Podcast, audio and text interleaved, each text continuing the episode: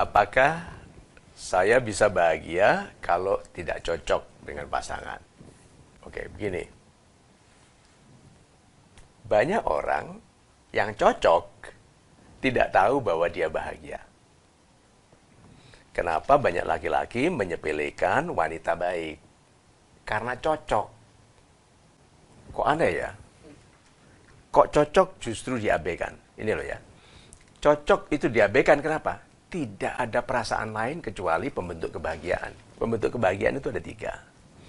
Kedamaian, kegembiraan dalam kedamaian yang penuh kesyukuran. Kegembiraan dalam kedamaian. Nah, kalau cocok apa tandanya? Damai. Bukan gembira, damai. Jadi wanita dan laki-laki yang cocok sering menyepelekan masing-masing. Kenapa? Nggak ada perasaan apa-apa damai. Yang laki-laki bertanya, kenapa nggak ada debaran? Ya, di dadaku nggak ada debaran, gitu. Karena cocok. Karena kalau nggak cocok ada, ada berantem, ada macam-macam gitu. Ada gini, ada perasaan gembira karena ada ketidakcocokan. Kenapa? Dia tipe kalem, ini tipe liar, gembira. Ini ada perasaan perasaan enak ya dekat-dekat dia saya ikut-ikut gembira sebetulnya nggak cocok. Dia rame sekali ini pendiam, gitu. Nah pendiam sama pendiam ini yang bisa bilang nggak ada debaran. itu ya, nah banyak orang tidak mengenali tanda kecocokan. Nah, jadi disederhanakan dulu, dicepatkan karena sebetulnya ada video kita sendiri yang tentang tanda-tanda orang yang cocok ya.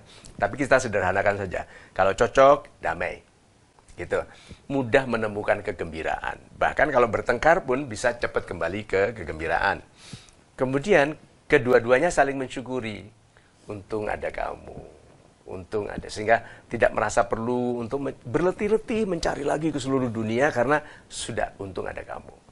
Nah kalau nggak cocok apa bisa bahagia? Tiga tiga kata tadi itu damai, gembira, dan bersyukur itu kan pembentuk kebahagiaan. Nah kalau nggak cocok bisa damai nggak? Tidak. Bisa gembira nggak? Tidak. Bersyukur nggak? Menyesal. Tahu gitu. Tahu gitu. Udah gitu. Tahu gitu, gitu kan? Inilah tipe ikan berkepala lele. Coba ikan berkepala lele ya memang lele itu ikan gitu. Nah, jadi pertanyaannya apakah bisa bahagia kalau tidak cocok? Tidak. Nah, berarti kalau gitu, jangan diteruskan. Jangan diteruskan. Wah, sadis sekali nasihat Pak Mario. Dengarkan ini. Lebih baik disimpulkan tidak cocok sebelum menikah atau setelah menikah? Sebelum. Sebelum. Sebelum. Terus ini wanitanya, wanita yang paling sering ngeyel, wanita. Tapi kan dia bisa berubah. Itu loh. Paling sering wanita itu kalau dinasehati tentang laki-laki yang tidak baik, dia bilang, tapi dia bisa berubah. Bisa berubah nggak rata-rata laki-laki yang kasar sebelum menikah? Tidak. Laki-laki yang suka memukul kekasihnya. Berubah, berubah. Pukulannya lebih keras. Nah, disimpulkan dengan pendek, kalau sudah tidak cocok, jangan diteruskan. Bilang, loh Pak Mario menghalangi hak orang untuk memilih jodoh. Nanti dulu. Saya mencegah orang salah jodoh.